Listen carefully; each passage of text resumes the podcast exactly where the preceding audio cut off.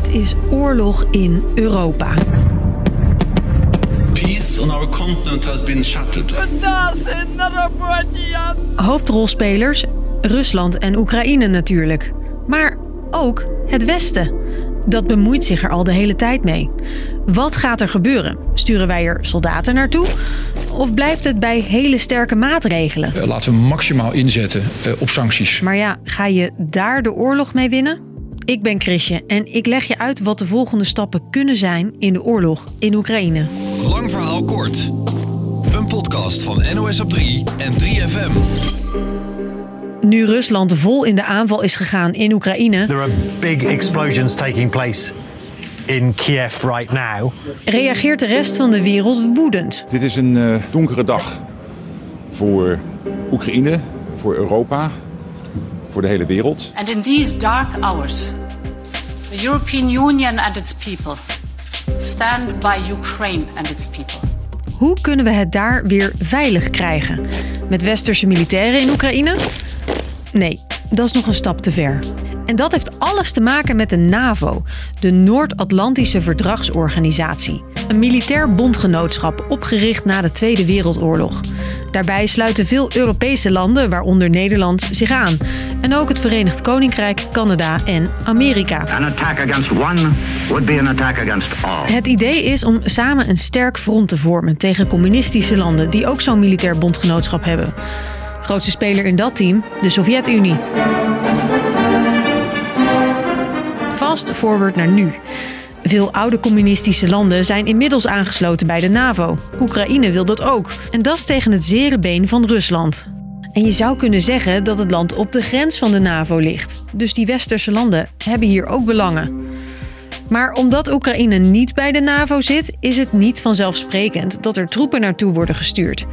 En daarnaast wil NAVO-lid Amerika, met het grootste leger ter wereld, niet tegenover Rusland staan, zegt correspondent Lucas Waagmeester. Biden zegt dat betekent een derde wereldoorlog en dat gaan we zeker niet doen. Dus ja, het is beperkt wat, uh, hoe Amerika kan reageren. Eigenlijk vooral uh, boos en verontwaardigd zijn.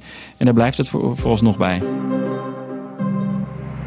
En dus houden de westerse landen, zoals Amerika, Duitsland, maar ook Nederland, het tot nu toe bij sancties. Massive and targeted sanctions. Maximale sancties moeten worden aangekondigd. Sanctions to impose cost on Russia. Wat zijn sancties? Eigenlijk zijn dat maatregelen zonder te schieten. Je deelt een straf uit, in de hoop dat de regering van een land zijn gedrag verandert.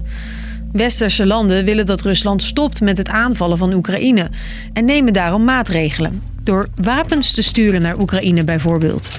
Maar waar het nu vooral om gaat zijn economische sancties.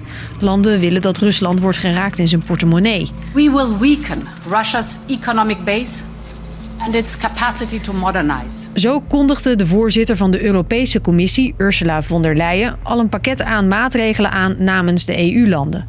Russische bedrijven en mensen kunnen geen geld meer overmaken of krijgen van Europese banken. Ook als maatregel op tafel: Rusland kan geen westerse technologie meer inkopen. Dan moet je denken aan chips en apparaten. En een maatregel die je vaak voorbij hoort komen: Rusland afsluiten van SWIFT. SWIFT, the Society for Worldwide Interbank Financial Telecommunication. Het systeem dat de internationale betalingen regelt. Als je Rusland daarvan afsluit, leg je zo'n beetje alle buitenlandse handel plat. Het wordt gezien als een van de zwaarste wapens. Sommigen noemen het een financiële atoombom.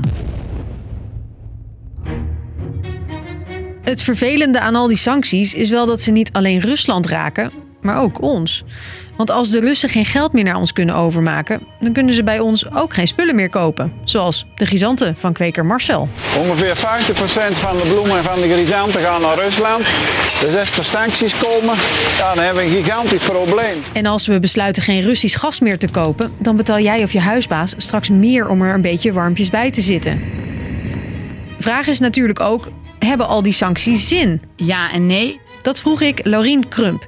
Zij is hoofddocent aan de Universiteit Utrecht en houdt zich bezig met internationale betrekkingen. Dus als symbool hebben die sancties natuurlijk zin, want je moet een vuist maken tegen, tegen Rusland. Je kan dit niet over je kant laten gaan. Al betwijfelt ze of Poetin daardoor van gedachten verandert. Ik denk dat we hier een, een leider zien, Poetin, die zich echt in het nauw gedreven voelt, die het contact een beetje met de realiteit kwijt is en die al dusdanig in een isolement zit dat wat sancties meer of minder hem niet ertoe gaan bewegen om uh, zijn acties in Oekraïne te veranderen. Ondertussen maken de NAVO-landen hun troepen trouwens wel gereed, zegt minister Ollongren van Defensie. Dat we versneld uh, ook zorgen dat als dat nodig is in het kader van de NAVO, dat ook de Nederlandse militairen uh, ingezet kunnen worden. Maar er is volgens Laurien wel veel voor nodig om ze echt in te zetten. En wij dus ook een rol gaan spelen in die oorlog. Nou ja, als er landen in de buurt van Oekraïne worden aangevallen of worden bedreigd die wel uh, lid zijn van de NAVO, en ik denk dan aan de Baltische landen en aan Polen dan zou de NAVO die landen moeten verdedigen. Dus als die landen ook in het conflict worden gezogen, ja, dan moet de NAVO met een militair antwoord komen. Dus, lang verhaal kort. Nu Rusland de aanval heeft ingezet, kondigen westerse landen een pakket aan maatregelen aan. Economische sancties om Rusland financieel te raken. Of dat genoeg is om Poetin op andere gedachten te brengen, is moeilijk te voorspellen. Maar westerse landen wagen zich niet zomaar aan een gewapende strijd, omdat Oekraïne geen lid is van de NAVO en andere landen niet zitten te wachten op oorlog. Dat was het voor nu. We houden de laatste ontwikkelingen natuurlijk voor je in de gaten. En die kun je volgen via onze live-uitzendingen en op nos.nl. En elke werkdag om vijf dan zijn wij er weer met een nieuwe aflevering.